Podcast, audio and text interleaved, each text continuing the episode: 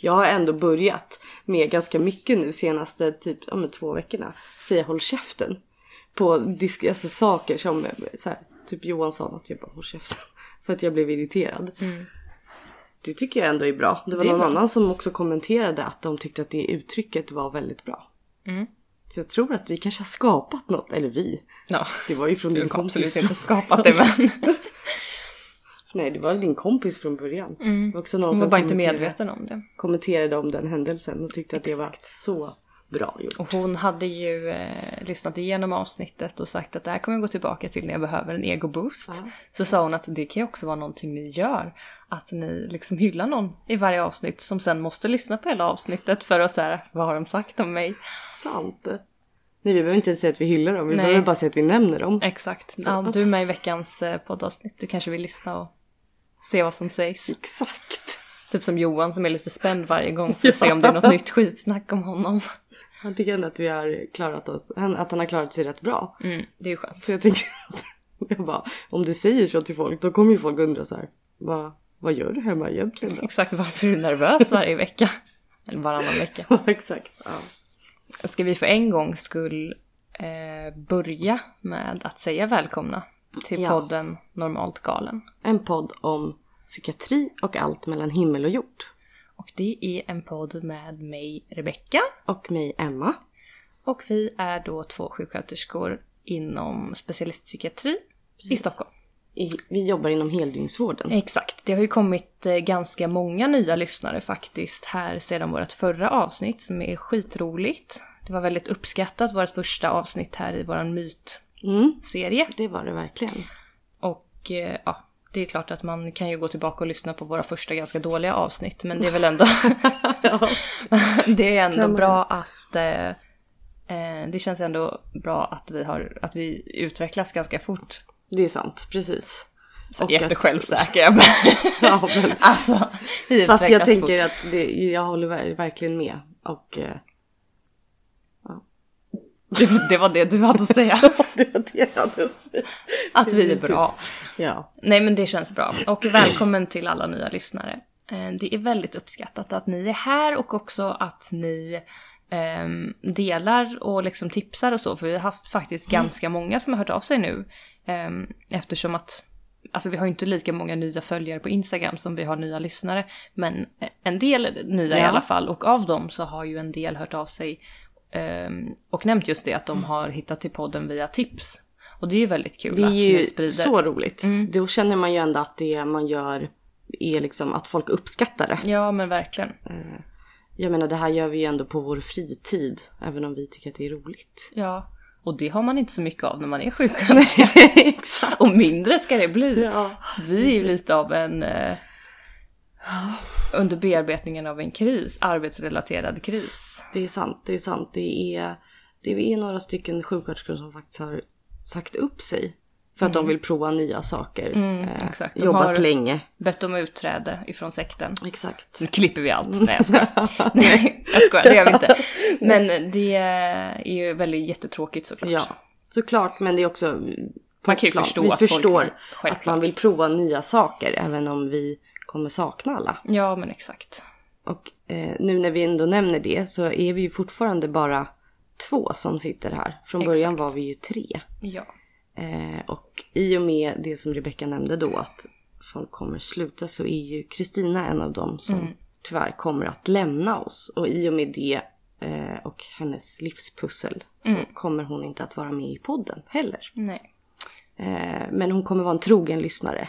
Ja. Så att, eh, Hon har sagt att hon har vårt fulla stöd. precis. Och det känns ju såklart bra. Och vi hoppas att även ni som kanske haft Kristina som favorit här i podden, att ni väljer att stanna kvar och bara lyssna på oss Exakt. ändå. Så vi önskar alla våra kollegor som överger oss ändå lycka till. Verkligen, det gör vi. Och att vi hoppas att de kommer tillbaka kanske. Ja, alltså vi försöker ju här eh, hålla oss positiva, även om det är lite liksom tufft för att det hänger ju mycket på oss och liksom vi som vi få som är kvar då. Eh, att liksom pussla ihop det här nu sen till hösten. Eh, och det är ju Det blir en utmaning Det blir en att i, utmaning, att exakt. Och eh, det är ju fortfarande lite osäkra tider i med corona och allt så att man vet ju aldrig riktigt vad framtiden har att bjuda Nej, på. det är sant. Så att vi får se. Men eh, man får försöka och bita ihop. Ingen av, varken jag eller Emma kan ju sluta eftersom vi pluggar. sant, sant. och vi resonerar också så att man kan inte lämna skeppet sjunkande. Nej, man måste sluta på topp. Exakt. Så nu måste vi köra upp sluta. den här avdelningen på toppen igen. Eh, och sen eh, kanske det är, är dags för oss att... ehm, Prova våra vingar exakt. På något annat. Det vet man Vi aldrig. har ju mycket framtidsplaner så att om, Exakt. om du där ute är en investerare som vill, Verkligen, så får ni gärna höra av er. Som att, vill satsa på något inom... Jag vill inte nämna vad det är för folk kommer ju stjäla dem. men det är ändå psykiatri och det, vi har stora visioner om Mm. hur man skulle kunna göra saker och ting bättre än vad det görs idag. På vissa håll. Exakt. Så antingen om du är någon som har mycket kontakter så kan du absolut höra av dig till oss. Mm. Absolut. Eller om du är sjuksköterska som vill jobba inom psykiatrin eh, i Stockholmstrakten eh, så kan ni också, vi har faktiskt haft redan någon som hört av sig Mm. till oss, inte och sagt att de vill jobba hos oss men som ändå har bett om tips eh, kring vart det är liksom som bäst att eh, börja Mm. om man ska söka jobb som ny sjuksköterska och vill börja inom psykiatrin. Det var ju väldigt roligt. Ja, Eh, Så att, nej men DMa oss så kan vi hjälpa er att få kontakt med det man ska ha. Med Exakt. de man ska kontakta. ja. Eh, Och som sagt, vi är ju kvar där. Ja, exakt. Jag menar, Men ni vet ju att vi är trevliga. vi är ju rätt roliga. Ja, gud vad det här låter Ja, desperat. Så otroligt desperat. Nu får vi faktiskt byta ämne. Ja. Hur mår du? Jag mår bra faktiskt. Jag tycker att det är skönt. Vi var ju... Eh, eh, förra avsnittet vi spelade in då satt vi hemma hos dig. Mm. Och det här avsnittet så sitter vi hemma hos mig. Och det är liksom en vanlig dag. Alltså... Vanlig Det är aldrig men en vanlig dag när vi pratar. Precis, men det är inte en helg. Alltså så att man naturligt skulle vara ledig för att det är helg eller så.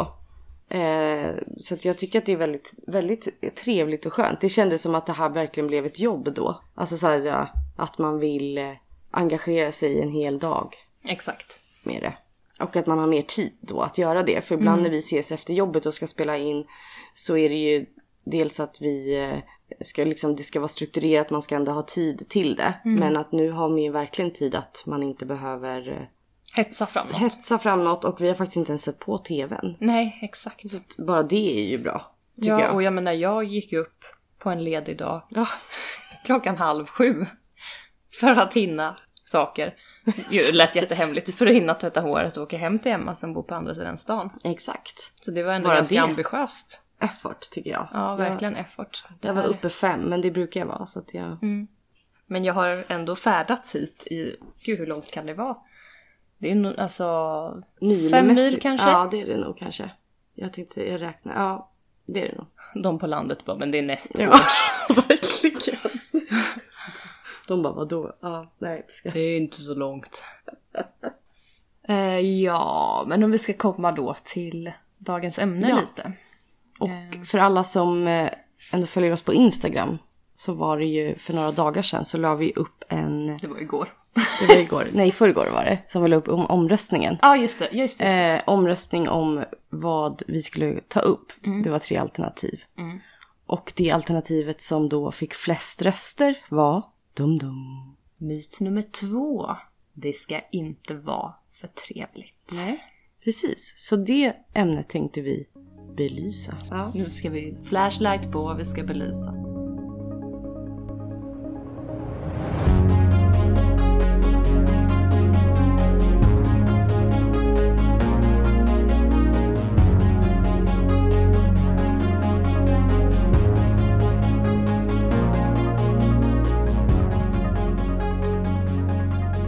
Vi ska belysa det.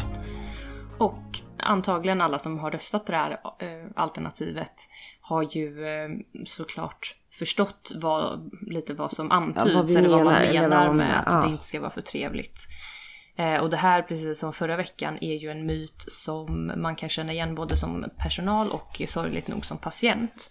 Ni vill också ut igår ett inlägg där vi bad er som antingen har erfarenhet som patient eller som personal att dela med er av era uppmär- eh, uppmärksamheter, av era erfarenheter eh, kring den här typen av attityd. Eh, Mm, och det kom ändå in rätt många. Så det var ju Det roligt också att vi har Även om fått. vi var lite sent ute Ja. liksom, la in det ute kvällen innan. Men eh, det hann trilla in en del ändå. Så det var väldigt trevligt. Och för de som kanske inte har röstat på det här eller inte liksom riktigt vet vad som menas. Ja, vad, men, vad menas med myten att det inte ska vara för trevligt? Ja, vad menas egentligen? Det, men det som, det som är, det är väl att eh, man inte ska, det ska inte finnas för mycket att göra. Det ska, inte, vara, det ska inte vara roligt att vara inlagd. Det ska inte vara någon fritidsgård. Exakt, och Eh. vad, vad är det man då, enligt myten, då, vad är det man är så rädd för? Man är ju rädd att patienter inte vill gå hem. Ja, exakt. Att Att, de, de ska, ska fastna och vilja bo exakt. på psyket. Precis. Eh, För det, det vill man ju, tänker jag. Men eh, det kommer vi in på. Alltså, det vill, jag var ironisk. Jaha, jag Nej, bara det vill man. försökte missförstod jag nu. Nej.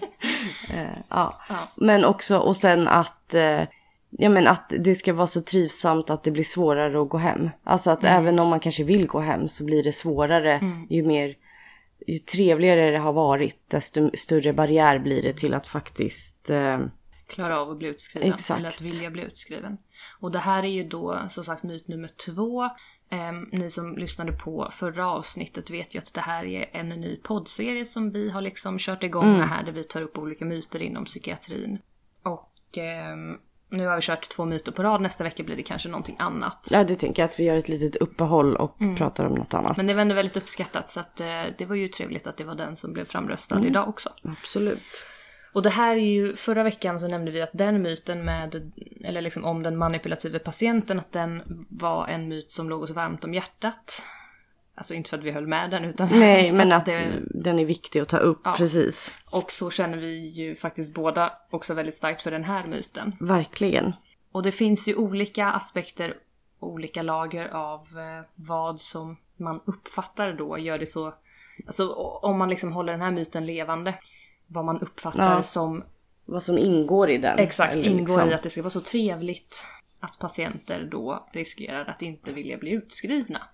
Eh, Så vi kan ju börja från någon ände så att det inte blir för rörigt. För spretigt ja. Ja. Jag tänker bara undra om den myten, alltså undra om den myten finns i typ somatiken. Det är jag också väldigt... Alltså så här om man nu tänker liksom jag tänker typ nu så här ny, nya Karolinska där de har liksom Mm. köpt konst för hur mycket som helst och så här. Jag tror inte att den myten riktigt finns. Att man tänker Å andra sidan har vi ju konst på vår avdelning också så majoriteten av den är skitful. Sant. Och det är inte konst som vi har fått vara med och tycka om utan det är någon på någon kulturförvaltning Ja, som har det är sant. kostar svin mycket pengar men de måste hänga där.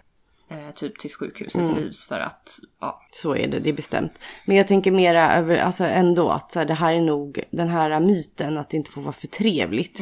Den tror jag ändå är mer uttalad i alla fall då inom psykiatrin än vad det är typ på somatiken. Eh, och det tänker jag kanske också framförallt har med vårdtiden att göra. Att man har oftast mycket, men man har ofta längre vårdtider i, på samma avdelning om inte annat. Ja, men jag tänker någonstans ändå att det känns som att eh, skillnaden kanske i attityder ändå någonstans grundar sig i föreställningen eller fördomen om att, eller svårigheter att se på något sätt att, eh, återigen det här med patientens behov liksom, att befinner man sig på en avdelning så är det eh, på en psykiatrisk avdelning så är det för att man har behov av det. På samma sätt som om man eh, befinner sig på en eh, ortopedavdelning så är man där för att man har behov av det och där är det kanske mer konkret Ja, det tydligt sant. när du är tillräckligt stabil för att kunna gå hem. Det är mer objektivt och man är inte nervös eller orolig för att patienten liksom Alltså jag tänker det här med hospitalisering Mm. och så vidare att det inte är riktigt samma. Ett så är, jag skulle väl ändå vilja mena att det är mindre risk att bli hospitaliserad på en ortopedavdelning än vad det är på en Det psykiatrisk avdelning. Ja. Ehm, för att det kanske vi kan komma in på senare men eh, hospitalisering är ju ändå någonting som man faktiskt behöver vara medveten om och eh, liksom Jobba mot. förebygga eller eh, och ta förebygga. ställning Precis. till ändå i vårt jobb. Så det är en viktig aspekt. Men eh, därav inte sant att jag håller med den här myten utan jag tror att det handlar om helt andra saker. Ja, det är sant. Eh, Men om vi som sagt börjar Ja. någonstans, ska vi börja snacka lite om den fysiska Ja. miljön, alltså vårdmiljön? Absolut, det tycker jag. Det tycker jag. Eh, och då, alltså ett så tänker man ju att eh, på de, eh, i alla fall heldygnsvårdsavdelningar där jag har jobbat. Nu är ju den, den vi jobbar på nu är ju väldigt ljus och liksom fin så. Ja, jämförelse, eh, jämförelse är den väldigt fräsch faktiskt. Med andra avdelningar och där också typ som vårdmiljön där det också väldigt ofta är att psykiatrin kanske också hamnar i hus eller byggnader som man tänker så här, vi ska bara vara här ett tag och sen mm. ska vi flytta och då kan vi inte renovera för det kostar för mycket pengar. Mm. Så, eller att det har varit i källarlokaler och liksom, ja. och, alltså, och det handlar ju om, det är ju typ, ja, men om man går tillbaka till stigmatiseringen mm. tror jag, att, så det har liksom med det att göra. Men om man nu tänker att eh, man jobbar med det man har mm. så är det ju fortfarande så att det blir väldigt mycket sådär äh, om man, man får inte ha för sköna soffor. Mm. Alltså har jag hört för att då mm. vill folk sitta där hela tiden. Eller vi och Fasa ligga där. Ligga, exakt. Tänk om de skulle lägga sig ner i soffan och lägga fötterna på bordet. Nu mm. tycker inte jag att man ska det men, men ändå liksom att eh, det är ju det. Eller att man har för många eh, spel eller för mycket träningsutrustning. Mm. Då kan vi tänka på att vi har ju patienter som inte de får inte gå ut mm. själva, de får inte, alltså de får inte lämna avdelningen och att då, eh, då blir det också väldigt konst, konstigt att säga att det får inte vara för trevligt. Mm. När vi har folk som måste vara där mot ja, sin vilja. Precis, som faktiskt inte får lämna. Nej, exakt. Och i den fysiska miljön så tänker jag också på eh, ja, men rent, alltså även sånt som inte har att göra med egentligen aktiviteter. Utan mer, ja, typ inne på samma spår som det här med sofforna, alltså rent dekorativt. Alltså Alltså jag menar om man tänker, om vi går tillbaka till allas våran älskade Florence Nightingale. Mm. Jag menar det var ändå ett tag sen. Och ja. även hon var redan inne på det här men det var ju liksom revolutionerande då. Om liksom att det faktiskt har betydelse för patientens tillfrisknande. Även om det inte kanske handlade om eh, patienter med psykiatrisk problematik. Nej. Utan mer generellt. Men att det var betydelse, att vårdmiljön var av betydelse för patientens Tillfrisknande. Tillfrisknande, mm. återfrisknande vill jag säga. Tillfrisknande och återhämtning. Eh, att det ska vara liksom, ja men det var ljust och man ska kunna se liksom solen glimta in genom fönstret och gardiner och fri, ja, men frisk luft. Ja men allt ja. liksom sådana här saker. Och det känns då ganska ruttet att även om jag verkligen tror att både vad gäller fysisk miljö och även vad vi kommer komma in lite mer på sen, den liksom mer mentala vårdmiljön eller vad vi ska säga att, attityder kring det här tror jag faktiskt ändå har gått framåt mycket om man liksom backar ett par årtionden. Att folk faktiskt ändå... Ja det tror jag absolut. Att ja. det inte är lika framträdande Nej. åsikt liksom även om de här föreställningarna fortfarande finns. Ja men då, och då tror jag, alltså för det tycker jag ändå med de eh, tio åren i psykiatrin att att just vårdmiljön, den fysiska, mm. har ändå blivit bättre. Mm. Alltså så här, bara på de åren att så här, man har ändå förstått att Eh, ja men att till exempel som vi, att vi har ett utrymme där man faktiskt kan sitta och titta på tv tillsammans mm. med andra patienter. Men vi har också ett, ett stort utrymme där man, där man inte har någon tv. Alltså mm. den att, att vi har liksom delat upp det. Där är det ljus och där kan man sitta och spela spel och mm. umgås och här kan vi kolla på tv.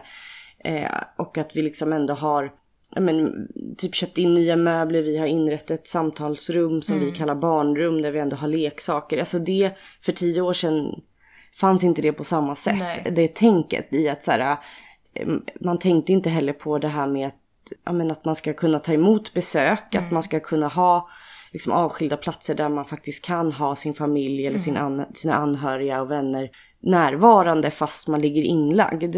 Nej. Så på det sättet tycker jag att, att attityden just mot den fysiska miljön ändå har gått, gått eh, betydligt mycket framåt. Mm. Och det tror jag också har med Alltså det har ju forskats jättemycket på och det är ju därför man kanske har satsat mer pengar på, på det. Mm. Sen är ju alltid, alltid psykiatrin en eftersläntrare i sådana budgetfrågor och sånt. Så ja, liksom, så är det ju. Eh, så. Men det, det tycker jag verkligen att, att det har blivit bättre. Mm. Men sen tror jag också tyvärr att det har lite att göra med vad man har för patientkategorier.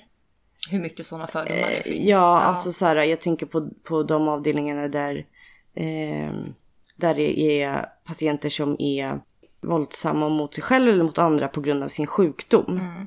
Så, så är det mera så att folk är väldigt sådär, det är klart man inte ska ha föremål som, det, som går att kasta. Men det finns väl inget som, det finns ju också väldigt många nytänkande där det finns fina möbler som inte, som sitter fast. Eller Exakt. det finns, liksom, man kan liksom göra rätt mycket ändå. Mm. Men att det liksom glöms bort lite då. Men det glöms då. bort och sen är det ju så att, alltså det som finns är ju fortfarande väldigt mycket så att det kostar, Ja. det kostar skitmycket pengar för att det är ingenting som prioriteras. Nej. Vilket gör att typ, vi var ju på en konferens i Umeå, när var det nu då? Två var det, år sedan, det två år sedan. Mm. Och där så fanns det ju liksom eh, lite olika sådana här, eh, vad heter det? Montrar. Montrar, exakt. Bås vill jag säga. Montrar eh, där det var bland annat då ett företag som sålde liksom olika inred, alltså möbler och andra inredningsdetaljer. Alltså typ så här krokar som liksom, eh, ja alltså när det hänger något tungt på så lossnar, alltså liksom Ja, så. precis. Ja, du ska inte kunna hänga dig i dem helt Nej. enkelt. Eh, och typ, ja men allt vad det, det var väl liksom. fåtöljer som var så här o... Alltså det, Orubbliga exakt, fåtöljer som fast skulle ändå kunna gå fina liksom. Precis, och kasta på någon och, och liksom sådana saker. Alltså för en trygg vårdmiljö, men som ju kostar fruktansvärt mycket pengar.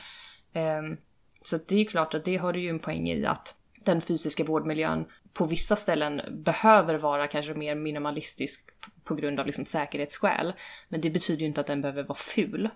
Eh, Nej. Och Exakt. jag upplever ändå oftare att på, de, på den typen av avdelningar där det är större risk att sånt, sånt inträffar är oftare patienter som ändå inte är en risk att de ska bo in sig där för det är patienter som ändå absolut liksom Inte vill vara där. inte vill vara där Nej. alls. Det bru- brukar inte vara patienter som vistas där frivilligt eh, oftast utan som brukar vara mer sjuka i liksom eh, Alltså generellt patienter som har högre våldsrisk brukar ju ändå vara för att man har någon typ av liksom eh, Ja men att det kanske är droger inblandat eller att det är ja men den typen av liksom. Alltså man kanske har någon funktionsnedsättningar. Exakt, eller man liksom vad inte... Ja men exakt. Att det är liksom affektivt, att man inte faktiskt inte klarar av att styra eh, Exakt. impulser som kommer på samma sätt. Av olika skäl, vad det nu kan vara.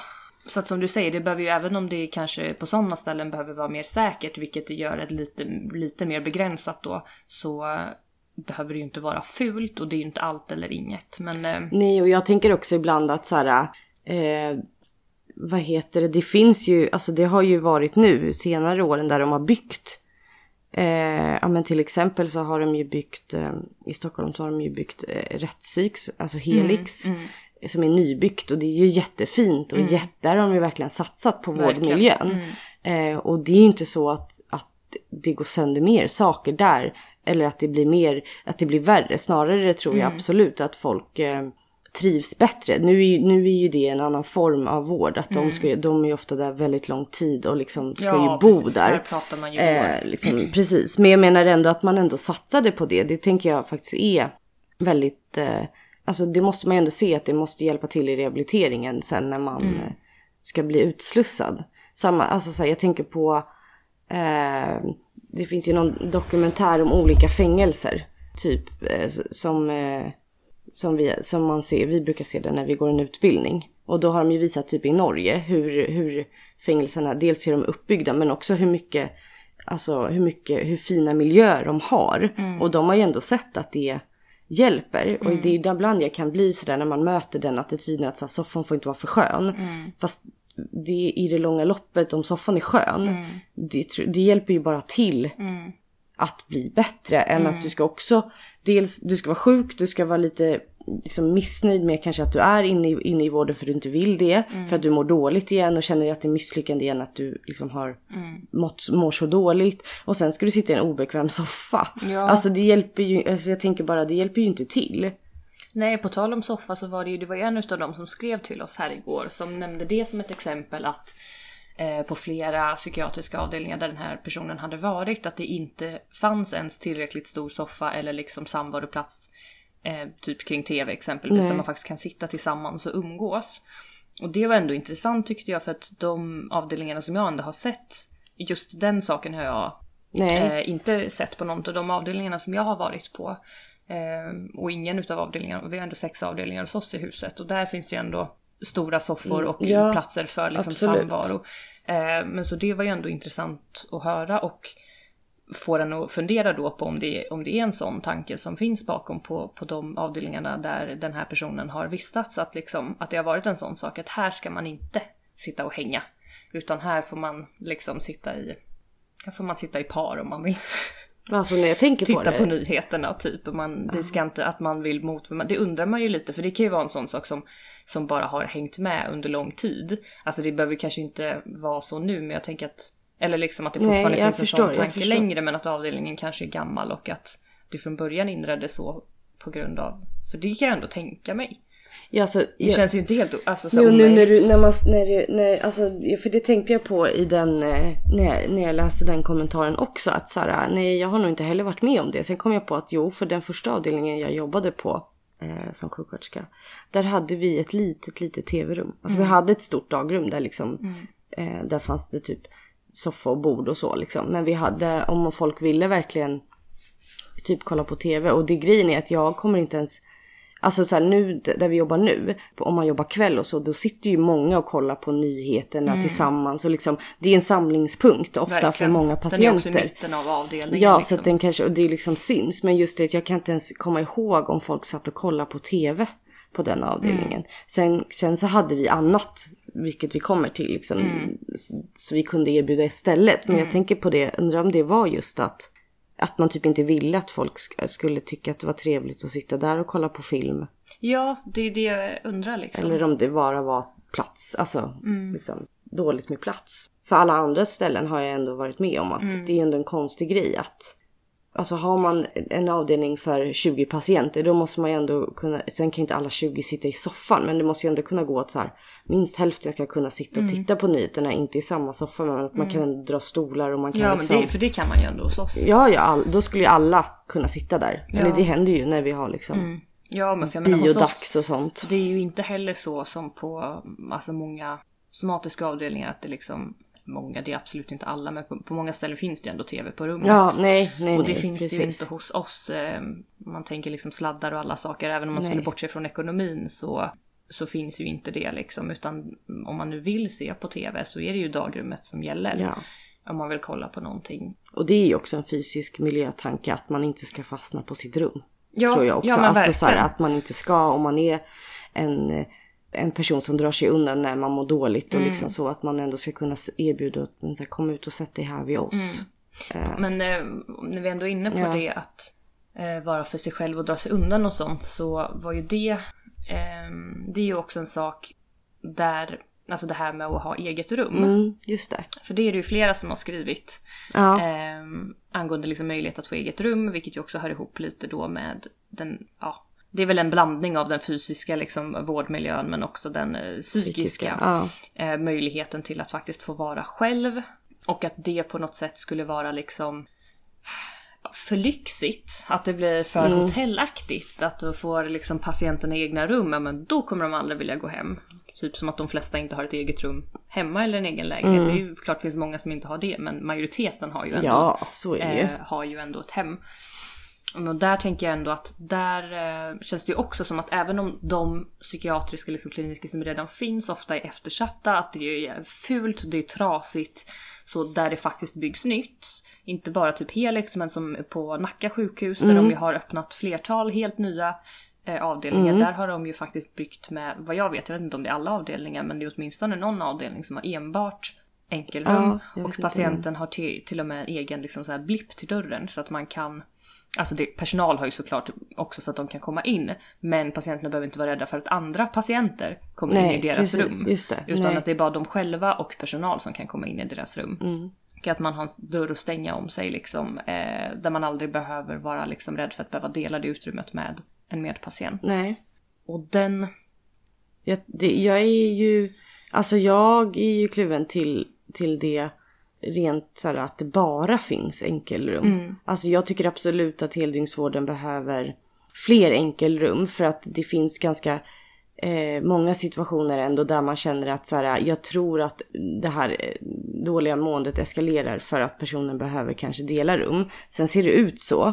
Men jag kan också tänka mig att för vissa patienter tar det längre tid att återhämta sig för att de inte delar rum. Därför att även om vi som personal såklart alltid går runt och pratar med patienter och vi som är där. Så är det ju så att det är ju 18 patienter på en avdelning och har man då eget rum och stänger in sig då kan man ändå, jag tror att upp, man kan uppleva att man är väldigt själv. Fast man kanske inte egentligen är det hela tiden. Men att, och att folk då kanske tänker också att så här, om de är på sitt rum så vill de vara själva. Alltså att det blir en, en dålig kombo och då blir upplevelsen av vården ändå att man aldrig att man inte blir sedd. Exakt. Ja, alltså jag är delad. Jag eh, tycker att det är bra att det, när det liksom byggs Mm. nytt, att man tänker mer enkelrum eh, och möjligheten till det. Men sen samtidigt så är jag inne på samma spår som du, det här i att, och det är också någonting som många patienter har liksom nämnt, att det är deras största liksom trygghet i deras rumskamrat. Mm. Sen finns det lika många som säger att det är jobbigast av allt att behöva dela rum. Därav behövs det självklart fler enkelrum, men, eh, men det finns också många som skulle tycka att det var otroligt liksom, skrämmande att behöva ligga ensam på ett Mm. rum. Sen självklart så är det ju ett lotteri vem man hamnar i samma rum Ja, med. såklart. Och det, det är ju liksom, men ofta så tycker jag ändå att det blir liksom något fint patienter emellan också, att de liksom, ja men du vet, de har lite koll på varandra och De kan ta stöd i det. ta stöd i varandra och ja. lite kolla. Det behöver inte vara att de, de kanske inte nödvändigtvis sitter och djupa samtal alltid med varandra om man inte får den typen av kontakt. Men man har lite koll sådär liksom på att eh, ska du också ut och äta? Har du inte ätit idag? Att man Mm. liksom ändå får automatiskt får en lite sådär Men man får me- mellanmänsklig kontakt. av någon som är i... Samma sits. Exakt. Eller liksom. Jo men ändå. Man är ju ändå där på samma premisser. Eller liksom. Ja. För så är det ju också att, ja, det tillhör ju inte här, men jag menar att så här, det är ändå en maktbalans i att vara personal och patient. Ja men och det är klart så är det ju. kan vi prata om något annat avsnitt. Ja. Alltså så. Det har vi ju varit inne lite Det- på ja. bland annat i tvångsavsnittet. Men Ja. självklart är det så. Ehm, Men just när det kommer till liksom föreställningen om att själva enkelrummet i sig skulle göra att patienter är mer benägna att inte vilja skrivas ut. Tycker jag är helt idiotiskt. Ja, det är ju jättekonstigt. Jag tänker att så här, nej, det tror jag verkligen inte på. Nej. Alltså jag, jag tänker bara på patienter där man, som har enkelrum. Det är eh, aldrig varit med om att det är för att de har ett enkelrum som Nej. de inte vill gå hem. Nej. Om det nu liksom är det som blir ett issue sen, att man inte vill gå hem. Då är det inte att de har haft enkelrum som är Nej. liksom det stora. Ehm, så. Men sen kan vi också, för det har vi också ändå fått kommentarer av folk överlag i, eller överlag, men alltså det här flera stycken att det här att, ja men det, det handlar väl om den här fysiska vårdmiljön i att så här, jag, jag fick inte enkelrum fast jag behöver det, eller liksom, eh, och det kan vi ändå ta upp att så här, som, som eh, personal vill man ju alltid tillgodose patienters önskemål. Eh, liksom till den grad det går, men ibland går det inte. Och det tänker jag att vi ändå kan, kan liksom nämna att det är klart att man ska göra så mycket som möjligt. Men ibland finns det ju också, eftersom de flesta avdelningar inte har så många enkelrum, att man måste prioritera. Ja, alltså jag tänker Eh. att man, man får ju, eh, man måste ju kunna tänka liksom två tankar samtidigt. Alltså har man eh, blivit nekad enkelrum och explicit fått anledningen förklarad för Ja. sig att det har att göra med att du ehm, Ja, typ att det här ska inte vara liksom för trevligt, det ska inte vara för lyxigt.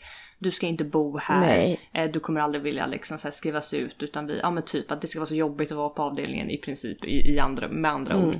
Eh, att liksom så här, det är ju, har ju lite med liksom det här manipulativa att göra också då att så här, jaha du vill enkelrum, ja men då är det exakt det du inte ska få Då för då kommer du aldrig vilja skrivas ut. Ja men exakt. Nej. Så den eh, har man liksom fått det, det liksom förklarat på det sättet. Nej. Då är det ju såklart helt klart en... Då är det en eh, håll käften. då är det en håll käften och en, en... Där liksom speglar ju det just den här myten. Ja, precis. Men ehm, sen håller jag ju helt med dig såklart om att ibland så kan det ju kanske vara så att eh, det bör ändå sägas att ibland så får man ändå nej för saker där man kanske av liksom olika dåliga erfarenheter man har fått innan tolkar in att det har att göra Mm, med ja. personalens ovilja att tillmötesgå ens önskemål och att personal kanske inte är tillräckligt tydliga med att förklara varför man inte kan tillmötesgå ett visst önskemål. Ibland är det ju svårt att förklara konkret eftersom att man kanske inte vill eh, Alltså på grund man av vill inte, sekretess. sekretess och med hänsyn till andra patienter. Ja. Man vill inte gå in på vad det är som gör att det här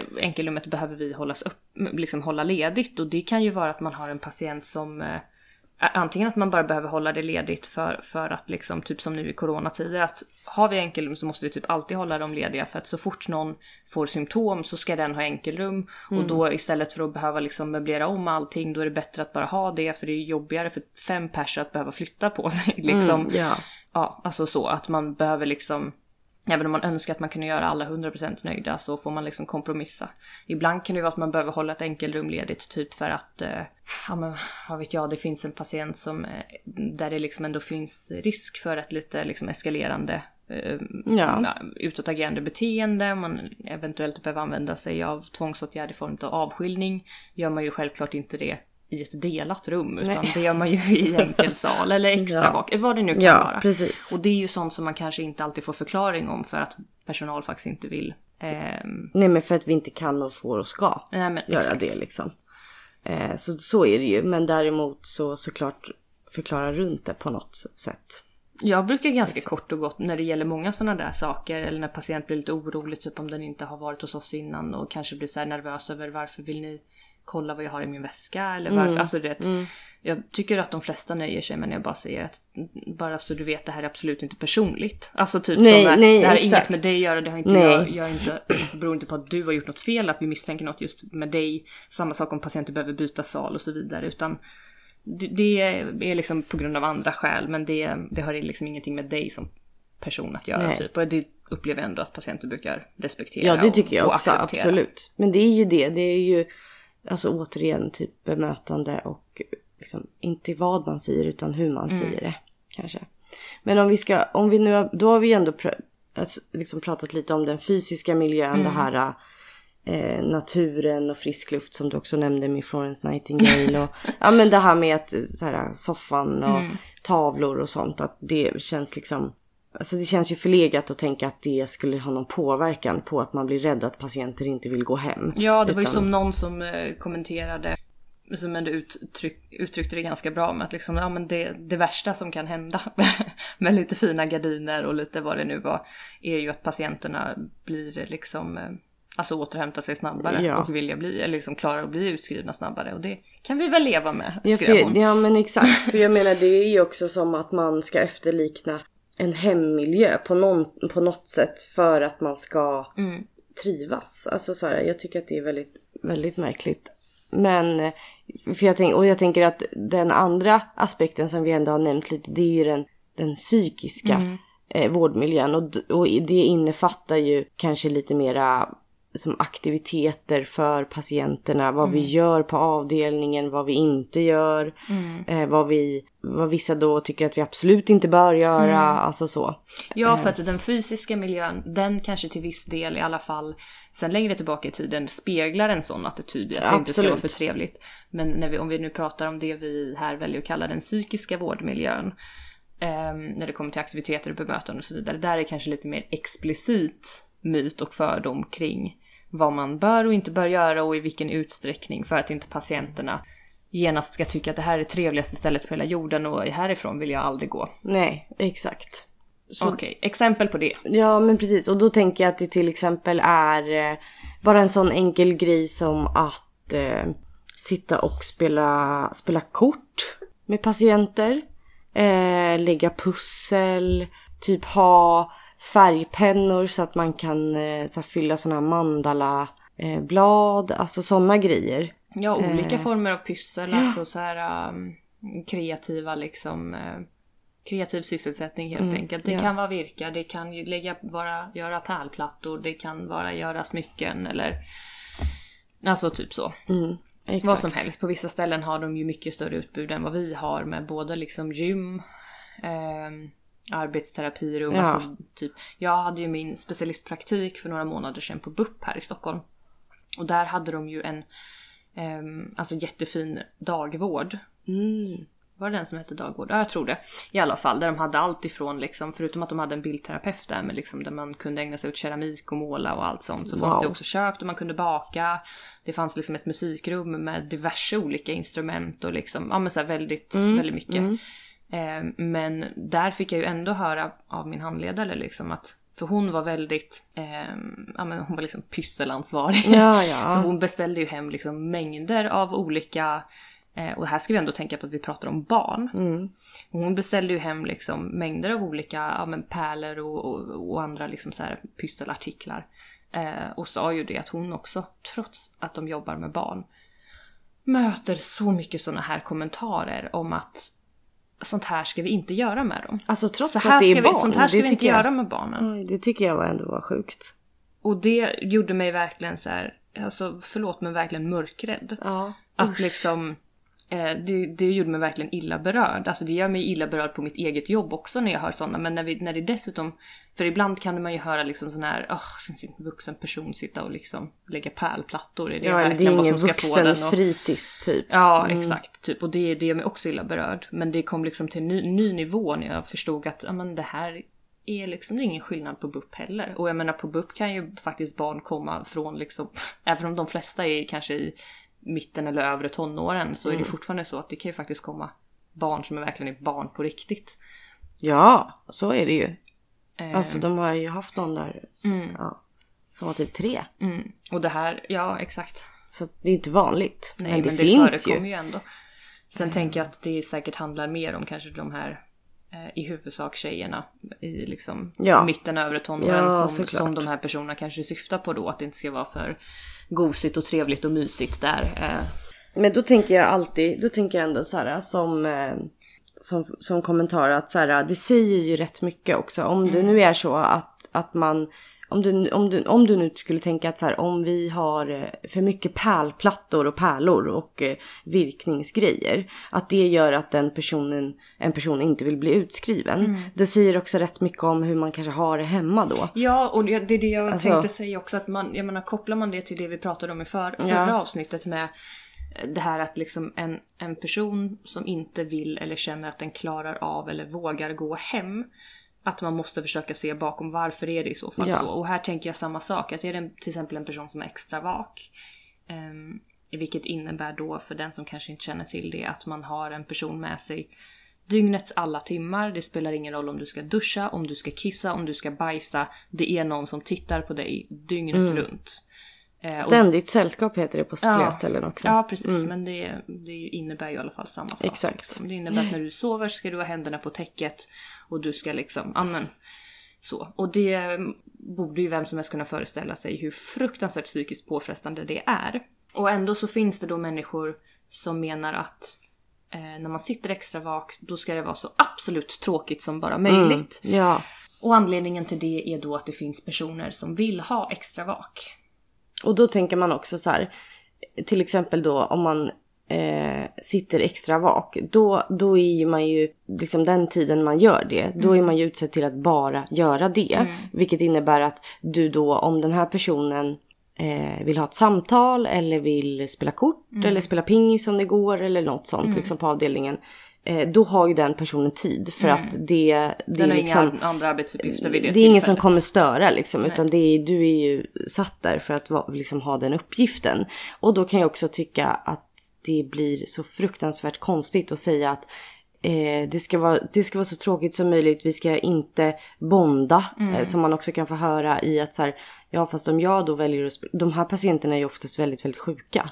Som har sånt här eh, ständigt sällskap liksom. Så det är inte så att man gör det lättvindigt heller.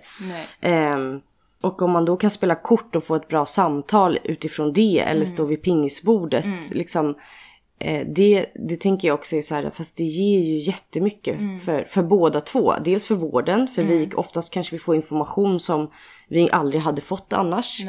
Eh, och patienten känner sig också delaktig på ett annat sätt i att så här, de får välja så här, men vill du, ja men vi kan spela kort om du, kan du lära mig något kortspel? Alltså att man blir lite jämlikare på en annan nivå eller att Alltså på mitt första ställe då hade vi ett pingisbord. Det är, typ, det är ju ett fantastiskt redskap i att så här, stå och prata med folk som inte vill prata, som bara är arga. Och så går man och spelar pingis. Ja, det är också en aktivitet som Liksom. är väldigt lätt att göra till en gruppaktivitet. Ja, exakt. Men också att man visar sig lite, ja men du som jag som inte alls var duktig på det, men ändå spelade eh, och en dålig förlorare. Ja. Så att jag ändå visade någonstans att jag är människa. Alltså det, det, var ändå, det var ändå väldigt roligt. För Ja, att de det tyckte oftast att det tyckas- var kul att jag förlorade och blev sur. kan tyckas banalt men det betyder ja, mycket liksom. Alltså, och då, ja, nej, säg, förlåt. Nej det var jag som avbröt Ja, nej men jag bara, då tycker jag att det känns så konstigt att, eh, att om man nu ändå har den, den tiden att utnyttja till att faktiskt göra något konkret som kan bli bra. Mm. Varför ska man inte göra det då? Ja, för att jag tänker att då måste det ändå vara att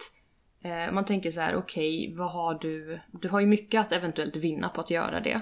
Så att, att du ändå väljer då att låta bli, det måste ju vara att man själv då anser att det finns mer att förlora än att vinna. Ja. Och det som skulle vara att förlora är då att typ patienten blir för fäst vid den eller patienten, ja som sagt liksom att det, det blir någon slags negativ förstärkning i att liksom patienten kanske, för, för så är det ju ändå att det absolut finns patienter både som uttryckligen säger att de vill ha extra vak eller ständigt sällskap. Mm. Och det finns patienter som kanske inte uttryckligen säger det men där man ändå någonstans via handlingar faktiskt förstår att det är så mm. det ligger till. Men då måste vi gå tillbaka till exakt vad vi pratade om i förra avsnittet. Att är det en person som faktiskt vill ha någon hos sig dygnet runt, som vill hellre ha någon där till och med när den ska bajsa, än att vara själv. Då måste man också kunna ha en analys bakom vad står det för. Ja. Vad är det som gör att den här personen är så antingen svält, svältfödd på uppmärksamhet, att den känner att den har så lite eh, liksom mänsklig stimulans eller får så pass lite liksom, ut av mänskliga kontakter i sitt eget liv att den faktiskt känner ett behov att, att någon form av behov tillfredsställs mm. hos den här personen ja. av att faktiskt hellre liksom kränka sin egen personliga integritet. För det är ju det, är ett otroligt inskränkande av den personliga integriteten att ha ett ständigt sällskap, eller ständig tillsyn, extra vak, vad man nu än vill kalla det. Ja. Och den tanken måste man ju kunna se då att så här, ja, det här kanske är en patient som av olika skäl ger uttryck för att den vill ha eh, extra vak. Mm. Och, men då kanske det är så att det är någonting som liksom, det betyder inte att, att det är bra för den här personen att vi ska liksom uppmuntra att, att här liksom, det, det här ska du ha och det här behöver du, utan man behöver ju stärka de friska sidorna i att liksom så här, det här, hur ska vi, fan hur ska, hur, vad ska vi göra för att du blir av med det här? Ja, liksom, det här måste vara skitjobbigt för dig, vad ska vi göra för plan, vad ska vi, och det, hur ska man komma till det om man är helt liksom motvillig till att liksom forma en kontakt och allians som är liksom hälsosam? Ja, och att så här, då, jag tänker att Eh, till exempel sådana situationer där det, där det faktiskt är uppenbart att det kanske är så. Mm. I att, att försöka, som du säger, ta reda på när man, när man ändå sitter där mm. då. Att så här, men om vi kommer överens om att vi försöker varje mm. dag komma klockan 10 och ha ett samtal. Vi säger det. Ja. Klockan 10 att ha ett samtal och sen den, någon som jobbar kväll kanske vet att så här, men klockan 3 då brukar det vara jobbigt. Då kan vi mm. sätta oss och spela kort. Mm. Eh, och jag menar och, och då kanske liksom successivt börja med det. Då mm. tror jag absolut, då, då kommer ju den här personen också att känna att så här, jag behöver inte, jag behöver inte att någon tittar på mig när jag bajsar för att jag får ändå den uppmärksamheten när jag mår dåligt. Eller att, och även om de, den personen inte kan säga till, att personalen märker ändå att jag, när mm. jag behöver hjälp mm. i, i min ångest eller mm. vad det kan vara när jag låser mig. Att, mm. så här, då, Eh, och då, hur man försöker ja, jobba fram till att patienten att, inte behöver vara så livrädd för att vara ensam. Och hur, hur, hur, ska vi göra för att du ska känna dig mindre ensam? För du är ju inte ensam även om vi inte liksom, är med dig inne på toaletten. Alltså så här, Nej, det är det exakt. jag menar. Men under den tiden då det ändå är så att, den har då extra bak, alltså varför inte hellre ta vara på den tiden? Och tro liksom att Alltså en person som om det nu i de fallen det är så att det är någon som eh, på något sätt ändå ger uttryck för att vilja ha den här eh, insatsen eller vad vi nu ska kalla det. Mm. Inskränkningen. Eh, det är ju ändå en person som har gett upp en del av sin värdighet tillfälligt. Alltså, ja. man, man, måste ju ändå se det också som ett uttryck för lidande. Att det är någonting. Det är ju verkligen hopplöshet ja. på något sätt. Alltså att att känna att, att man, är så, man är inte mer värd mm. än att kunna gå på toa själv. Mm. På något sätt blir det ju. Mm. mm. Eh, och då tänker jag också att det är ju alltså viktigt överlag att om vi nu tänker det här med att folk säger det ska inte vara för trevligt, man ska inte ha, ha för roligt, det ska inte finnas för mycket att göra. Mm. Men då måste vi också tänka på att de här alltså patienter som är inlagda eh, behöver ju också ibland distraheras och vi mm. har inte jättemycket att erbjuda. Så, så här, till exempel då de patienterna som kanske inte får gå ut. Mm. Eh, eller att eh, de eh, får ångest på kvällarna. Det finns inte jättemycket att erbjuda men att då kanske ha pyssel eller mm. att man försöker någon, någon som tycker om att virka kanske försöker lära någon att göra det i att man har, alltså kanske lär sig eh, att ha eh, vad heter det, andra strategier mm. mot sin ångest som man faktiskt sen kan ta med sig hem. Mm. Att så här, just det, men när jag var där då var det ju faktiskt jättebra att jag köpte, hade att det fanns ett pussel som var 2000 bitar. Mm. För att då kunde ju jag sitta och göra det och koncentrera mig på att hitta de här bitarna. Mm. Ja men då kanske jag köper ett pussel hem. Mm. sen. Och jag, det, jag tror inte att pusslet i sig gör att de personerna inte vill gå hem. Utan då, jag kan inte också tycka att då, det finns ju fördelar eller liksom med att man kan lära sig sina strategier att härda ut i vissa saker ja, för jag också. Menar, det, vi kommer ju ofta patienter till oss som på riktigt aldrig har varit med om att känna av begynnande tecken till ångest och att klara av att hantera det utan att det eh, liksom eskalerar till en, en total panikångestattack. Alltså som aldrig varit med om det utan som tror liksom att det är så här, det är helt oundvikligt. När jag, alltså det här händer mig varje dag, det finns mm. ingenting att göra åt saken. Och eh, det, det är bara så det är liksom. Och sen plötsligt så går det en gång, det går två gånger, det går tre gånger och plötsligt bara, men alltså ja, det kanske inte är så att det aldrig kommer hända igen. Men det gick. Man hjälper dem ett par gånger och liksom så här utan att de själva ens märker det mm, liksom. Mm, nej, precis. Fan nu har det ju gått över, vad hände? Och så blir man liksom stärkt i det i den egna att så här, men jag har resurser som jag inte trodde att jag hade.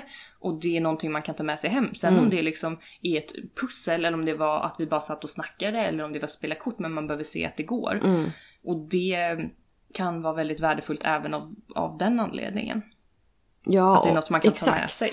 Och att jag tänker ibland också att även om det då är så att eh, för så kan det ju faktiskt vara att, eller att personalen ibland inte har tid att sitta och spela kort till exempel. Eller alltså att det finns vissa stunder där det är så här, jag är jätteledsen men just mm. nu går inte det.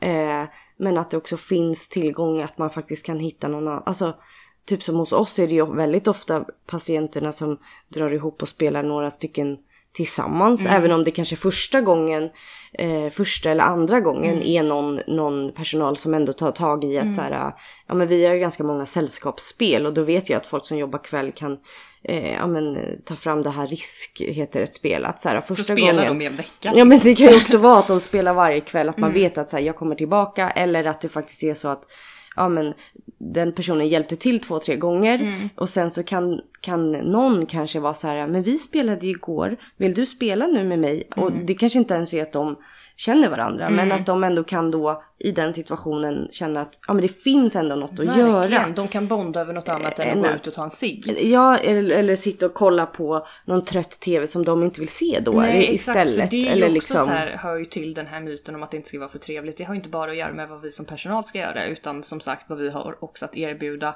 Också med rädsla då av liksom att det skulle vara något negativt ungefär om patienter finner vänskap hos varandra medan de är inlagda.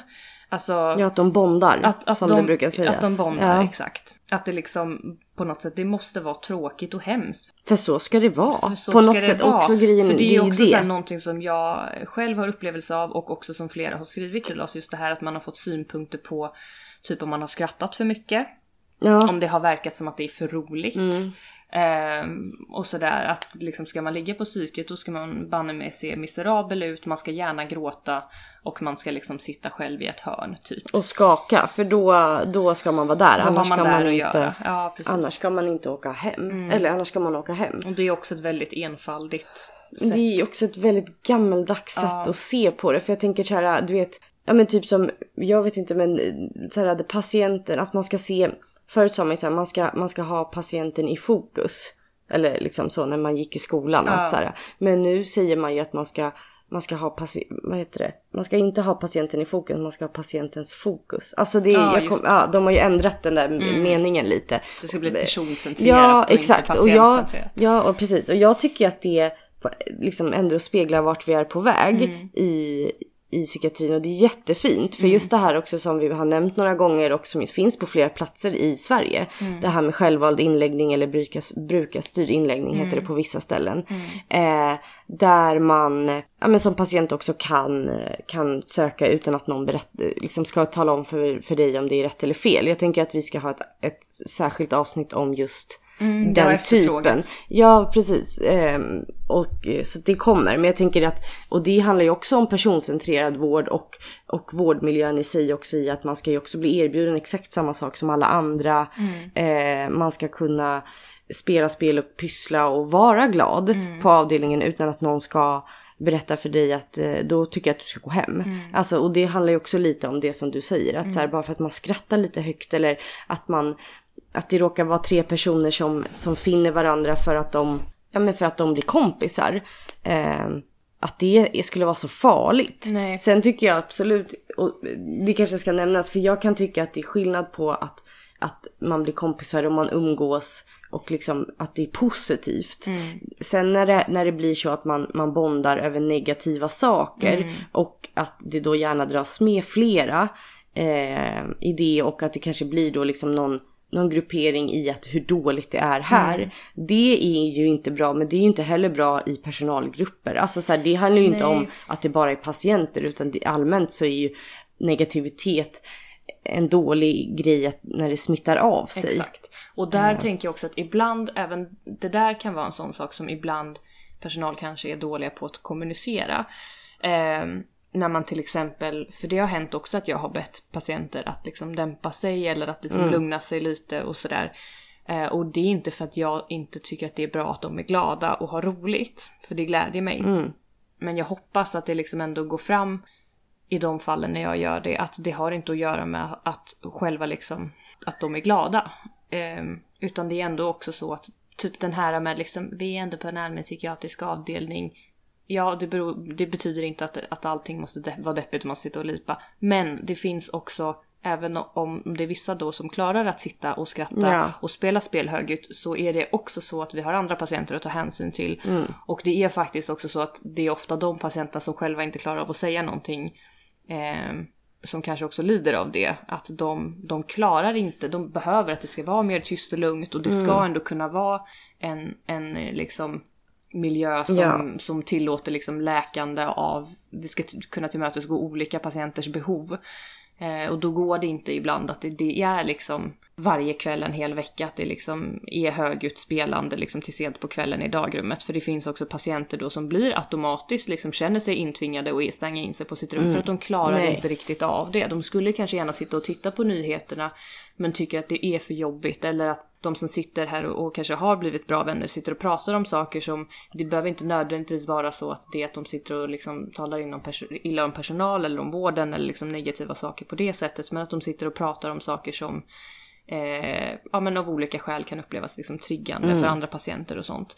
Och det är ju kanske, ibland kan ju sådana tillsägelser kanske egentligen handla om det. Ja, Men att man som patient själv upplever det som en personlig liksom attack eller kritik. Ja, fast precis. det egentligen handlar om hänsyn till andra patienter. Sen vet jag ju att det förekommer självklart. Alltså det är inte så att jag tar ifrån den liksom eh, att, att det händer. För det vet jag också. Ja. Att det är liksom så här, det här är en Såklart. fritidsgående, det ska inte liksom ja men absolut. att ibland så kanske det faktiskt inte handlar om Nej. det, men att personal behöver också vara tydliga med att kommunicera att liksom så här, det, vi har patienter som mår dåligt. Även om Mm. du också mår dåligt så mår ni dåligt på olika sätt och vi måste försöka tillmötesgå till den grad det går allas behov. Ja och jag tänker där har ju också lite Gud med... vilken lång utlägg. Ja men nej men jag tycker att den, det var viktigt att och liksom poängtera. Men där kan man också tycka, tänka ibland då att, att det har lite med den fysiska miljön att göra. Därför att typ som eh, hos oss har vi ju ett rätt stort samtalsrum där man ibland gå- då kan säga så här. Mm. Vet sant. ni, ehm, vi hade ju för några veckor sedan eh, rätt många som ändå bondade som ville sitta. stort gäng, liksom. Ett stort gäng som ville sitta eh, liksom ihop och diskutera livet som de kallade det på kvällarna. Mm. Liksom så. Och då eh, så var det någon, någon gång någon personal som öppnade det åt dem Mm. och sa så här, men ni kan sitta här inne såklart liksom med lite öppen dörr, men för det är ganska avskilt ändå. Mm. Eh, vilket innebar att, innebar att de kunde sitta liksom i fred och diskutera och ha sina diskussioner som var rätt livliga och liksom så. Ja.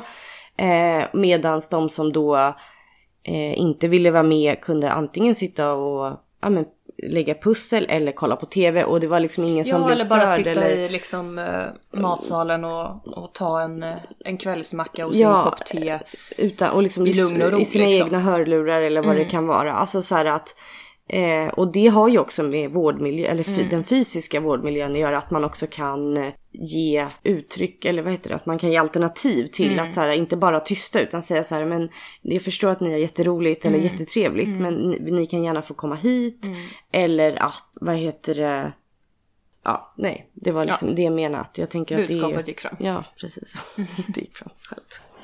Så det tycker jag är jätte, jätteviktigt att poängtera. Mm. Att ibland är det ju också vårdmiljö, den fysiska vårdmiljön som också gör att man kanske inte kan Att den fysiska vårdmiljön begränsar den psykiska vårdmiljön. Ja, precis. För vissa patienter Absolut. för att ta Ja. hänsyn till andra Ja, patienter. men det här med, alltså nu ska liksom disk- tillbaka till myten att det, det ska inte vara för trevligt, man ska inte boa in sig och man får inte sätta upp eh, eh, någon... Eh, Oj, det har vi glömt att Ja, men ja. jag tänker det, det var ju några, vi fick ändå några kommentarer om det här eh, om att man kanske sätter upp en bild vid sin säng eh, på väggen liksom Mm. Precis, på, personliga ägodelar. på typ. någon anhörig eller att man har lite för mycket, vad heter det, att man har lite för mycket attiraljer med sig.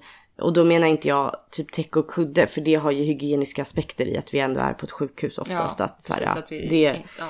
kan vi inte tillgodo liksom, vad heter det, tillmötesgå. Men det här med att sätta upp ett foto säger vi. Mm. Eh, och att folk då tyvärr... Påminna sig om vad man längtar hem Ja. till. Det kan ju ha också en läkande effekt. Att Ja. liksom så här, man motiverar en till att fortsätta kämpa Exakt. och saker som påminner om ens vanliga liv. För det är ju det som blir så konstigt tycker jag i den myten om att liksom, Ja. då blir det för trevligt att har du saker som faktiskt påminner om ditt vanliga och friska liv Ja. att det skulle göra att du är mindre benägen att vilja gå hem, det tycker jag är jättekonstigt. Det är väl snarare en påminnelse om vad det är man kämpar för och vad det är man kämpar sig tillbaka till. Eh, så att, att vara emot det med liksom motiveringen Nej, jag, nej, jag, Nej, det, men det förstår nej, jag verkligen och inte. liksom- Jag tycker, den tycker jag är så otroligt ologisk. Och typ så här, för det har ju jag varit med om alltså på eh, när jag har jobbat att eh, ja, men det var ett, ett fall med en, en jätte Dels var hon jätteung, en ung tjej som också var jättesjuk och eh, ja men så här, hade, var jätteduktig på till exempel att teckna. Och det var liksom det som fick henne att ändå de stunderna hon tecknade var väl de stunderna där hon ändå kunde så här, hantera sin ångest och liksom och, och, och det var ju ändå så att hon var jätteduktig så att man liksom men gud shit har du ritat det här? Och, och ändå en tjej som liksom obviously hade rätt dåligt självförtroende. Så det hjälpte ju också att folk kom, men då satte hon i alla fall upp sina talang, teckningar liksom. lite så här på väggen. Och var då med om flera gånger att personal bara gick och tog bort dem utan att ett säga någonting. Eh, alltså bara rev ner dem och la dem på hennes liksom nattduksbord eller sa här ska man, det här ska inte vara, här ska vi inte vara som ditt egna rum typ så här. Men hon, hon kunde liksom inte köpa och inte jag heller i att så här, men vad spelar det för roll om hon sätter upp sina teckningar som hon har ritat i ångestlindrande Ja, syfte. Och sen får hon inte ha dem uppsatta för att det, då ser det ut som ett hem och då vill inte hon gå hem. Nej men snälla jag tror verkligen att hon vill gå hem. Det är bara att hon vet liksom inte hur än. Nej. Och då låt henne sätta upp teckningarna. Hon får ju inte, de kan ju inte sitta kvar, hela det är ju klart. jobb går ju ändå ut på att liksom försöka jobba med det friska hos våra patienter. För det finns friska sidor finns hos alla. Ja. Även den till synes sjukaste personen har friska sidor och resurser som man, liksom om patienten inte kan se dem själv, ska gräva fram. Men det här var ju någonting hon, den här tjejen då, uppenbart ändå själv visste och alltså Mm. liksom Ja, så ja, själv absolut. Och då ska man liksom inte uppmuntra det utan rent av symboliskt rycka ner det. Alltså Ja. det är som spotta henne i ansiktet Men- liksom för Och då tror jag att du tänker just det här med vårdrelation och vårdallians och det. Allt bara rasar när man gör en sån grej. Och då Mm. jag liksom, hon stannade inte längre om hon behövde kan jag meddela. Alltså så här, när hon mådde bra så ville hon gå hem. Mm. Så det var liksom inga problem. Nej. Eh, nej. Men jag tänker att den kanske allra sista grejen vi ska gå in på innan vi går över till spaning Ja. är bara någonting kort lite om det här med hospitalisering. Ja, det är ju ändå absolut. någonstans det man är rädd för och eh, som vi var inne på lite tidigare i avsnittet så är det ju ändå faktiskt så att det förekommer och det kan också gå väldigt snabbt och Ja. man ser det ganska mycket. ehm, och man ser det nog mer när man jobbar med den, ehm, alltså de diagnoserna som vi oftare, eller liksom den typen av problematiken som många av våra patienter har. ja, det tror jag absolut. Eh, om man liksom generaliserar och jämför med till exempel en psykosavdelning där man kan mer alltså, generalisera kring att de vill gå hem. Mm. Medan vi har patienter som oftare inte vill gå hem eller kanske tycker att de blir utskrivna för tidigt. Ja. Och där, det är ju en, ut, alltså det är ju en stor utmaning Ja, i vårt jobb absolut. som ibland eh, innebär att vi kanske behöver liksom, alltså Var lite tråkiga och fyrkantiga i vissa saker. för att vi vill dem väl. Ja men alltså baktanken eller det som grundtanken är ju eh, att vi vill dem väl och men då tycker jag det som är viktigt i sådana lägen det är att förklara det. Verkligen. För det är ju ofta det som är Alltså när man hör om situationer där, där, där till exempel patienter berättar om sådana upplevelser där de har känt att så här, nej men det, alltså vi säger nu att att någon säger man ska inte boa in sig, det är ingen fritidsgård och sen så blir de utskrivna. Då har de liksom glömt att berätta eh, ett, så är det ju liksom, var, varför säger de så? Alltså, så, ska man, så ska man inte säga. Men jag menar om de nu, liksom, baktanken är ju att man inte vill att de ska fastna. Men att man då kanske är ganska tydlig med att så här, jag förstår att du har det jätte, att det, din upplevelse är att det är jättejobbigt att gå hem. Eh, och att vi säger att du inte får ha din egna kudde här, det har ingenting att, egent- egentligen att göra med som att vi vill vara elaka eller att du inte, att du inte, att du måste gå på permission fast du inte vill. Eller liksom att du inte får ta hit hela din garderob. Det har inte att göra med att, att vi vill vara elaka och vi inte tycker att du ska vara här just nu. Utan det handlar om att det här är ändå, liksom det är ändå akutpsykiatrin som gör att du kommer inte kunna vara här för alltid. Utan du, vi måste kunna jobba framåt. Och även om du inte just nu kan det så behöver vi, personalen då, vara de som jobbar lite framåt. Exakt. Och du får då kan du vänta, så här, så, här, vänta bakom. För du kommer att komma ikapp. Och vi kommer aldrig, liksom, vi kommer aldrig skriva ut någon som vi inte tror klarar det. Sen vet jag att upplevelsen hos många som skrivs ut är att de inte klarar sig. Så är det. Men det, det har ju Eh. också att göra med ibland faktiskt att så här, ibland måste man prova. Ja, exakt. Ehm, för att eh, alltså det spelar ingen roll om man är liksom patient eller om man är läkare Mm. Nej. eller om man är sjuksköterska eller vad man är. Det är ingen som har en spåkula. Utan ibland måste man bara prova och för, alltså så här, jobba med att stärka återigen de friska sidorna, resurserna, allt det som liksom patienten har för att också själv känna liksom att så här, för det är väl snarare det som gör att man fastnar, att man tror inte på sina egna förmågor att klara sig själv och Nej. sina förutsättningar hemma och det alltså, eller liksom på det som väntar en på utsidan. Eh, och det är ju snarare det som gör att en patient fastnar och inte vill skrivas ut, inte att den har fina målningar på väggen. Nej, eller att soffan är för, är, är för skön. Ja, exakt. Vill man inte skrivas ut för att man har hittat en fin vän på avdelningen, ja då kanske man inte har så mycket fina vänner där ute. Nej. Även om det inte gör att man kan fortsätta vara på avdelningen tills den andra personen skrivs ut. Nej men det säger, Alltså, så. man, det men, hela tiden men man måste ju, exakt. tänka vad är, vad är grunden till att, Exakt. att det och blir hur så förklarar man och ha liksom en, en ärlig kommunikation kring det? Ja. För det tycker jag verkligen att man kan Det- prata om det- med, det måste med hospitalisering och väldigt öppet. Absolut. Och, Och det- sen många man gör det med. Mm. När man väl är, så de samtalen man har där man är öppen och ärlig Mm. med att så här, vi, vi är oroliga för det här, vi ser det här mönstret, kan du hålla med? Mm. Alltså de, de, många patienter håller ju ändå med. Mm. Sen att de inte väljer ordet hospitalisering utan då, då, då fokar man ju ofta på att det inte Mm. funkar hemma. Men det är ändå samma grund som man har. Mm. Eh, och det tycker jag ändå, de, den kombinationen brukar ju oftast lätta till att, att det blir lättare att dels säga saker, att gå på permission och sen veta att man får komma tillbaka när man Exakt. vill. Det finns ju många patienter som avbryter sina permissioner. Alltså att man har den dialogen. Mm, exakt, och då istället få beröm för att man försökte. Exakt. Än för att man, liksom kritik för att man misslyckades. Och många gånger handlar det inte om vad man säger, det är hur man säger det. Återigen. Jag tänker att vet får bli- det får bli det sista på den här myten. Som alla av de här så finns det ju, Ja. vi hade ju som vanligt kunnat prata flera timmar till. Jag kommer redan nu på flera saker jag Verkligen. säga. Men någonstans får vi sätta stopp. Så istället så hoppar vi vidare till veckans, eller avsnittets, ah, allt det här. Avsnittets. Avsnittets spaning mellan Himmel och jord. Yes, och då är spaning nummer ett en ehm, skidåkare som heter Jonas Bölmark. Han är förutom skidåkare en person som lever med bipolär sjukdom. Mm, just det.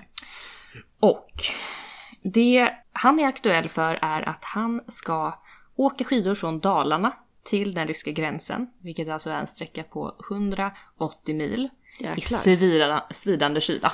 Shit, ja. Och varför ska han göra detta då? Jo, det ska han göra med syftet att uppmärksamma hur det är att leva med bipolär sjukdom. Och han säger då att han har själv egentligen bara varit sjukskriven en gång under en lång period på tio år. Han har hållit på med elitidrott stort sett hela sitt vuxna liv. Eh, sen han blev inlagd för manisk psykos. Och nu så vill han och den här, nu är jag lite osäker på, han ska ju åka ja, tillsammans med sin vän Axel. Eh, för att öka förståelse för den här sjukdomen eh, eftersom den är väldigt tabubelagd och han vill helt enkelt bara shed some light och visa väl typ att man är kapabel trots. Ja. Trots sin sjukdom. Det tycker jag och jag tycker verkligen att sånt vill vi se mer av. Sånt vill vi se mer av. Så att han heter Jonas Börmark. Han har också ett Instagram-konto som ni gärna får gå in och kika Ja. på dela. Han, vill, han och Axel vill ha så mycket exponering som möjligt för att verkligen det här ska bli så uppmärksammat som det förtjänar liksom. Så Heja Jonas och Axel. heja, heja Jonas och Axel. Då ska vi se, den andra spaningen vi har då det är ju att eh, faktiskt en väldigt, väldigt glad och positiv nyhet tycker jag. Verkligen. Att förra onsdagen så antog ju eh, regeringen det här förslaget som har legat att det ska bli straffbart att uppmana till självmord. Eh, så att, att uppmana till självmord kan ge upp till två års fängelse. Och sen var det att oaktsam uppmaning kan ge leda till böter eller sex månaders fängelse. Mm, jag har ändå inte läst in mig på vad som klassas Nej, som det vet inte jag oaktsam heller. uppmaning men eh, det kommer säkert... Eh, Men jag tycker ändå, jag läste eh, en artikel i och med samband med att eh, liksom jag läste om det där så var det en tjej vars eh, hon mådde jättedåligt och eh, jag tror att det är därifrån det här förslaget kommer. Men då mådde hon jättedåligt och då var det en nära ja, vän, nu är de nog inte vänner, men en nära vän till henne som då detaljerat hade beskrivit för henne hur hon skulle ta sitt liv. Eh, vilket gjorde att hon eh, hade, kände sån hopplöshet och vanmakt över sitt liv att hon började liksom påbörjade den planen. Men det var faktiskt en annan vän som eh, ringde och stoppade det hela och eh, då polisanmälde de den här personen. Och då insåg man att det är inte, ja, det är inte ett brott att Nej. Uppmana till självmord. Så därav den här eh, nu. det tyder ändå på en väldigt positiv utveckling. tycker jag. Verkligen tycker jag. Det är härligt. Okej, sista spaningen är en bok som precis har släppts och boken har titeln Ingen fattar skriven av Marika Rasmusson och Jenny eh, Lilja. Jag tror att det uttalas så, eller Lilia, eller Lilja. Lilja säkert. Säkert Ja. Lilja. Och det här är då en bok som handlar om unga som har sondmatats, alltså varit tvångsinlagda i rum som är mindre än fängelseceller, vrålat av ångest och kämpat i flera år mot en sjukdom som slår oerhört hårt. Men framförallt en bok där föräldrar och syskon ärligt och utlämnande berättar vad som händer när en i familjen drabbas av en livshotande ätstörning. Och den här eh, har ju blivit uppmärksammad och eh, vi har ju såklart själva inte hunnit läsa den Nej, här än nej. men tänker båda göra det. Verkligen. Får återkomma sen när vi har haft tid att läsa den. Verkligen. Så att tips tips, Ingen fattar av Marika Rasmusson och Jenny Lilja. Bra. Och med det sagt, det var var, det vi allt hade. för idag.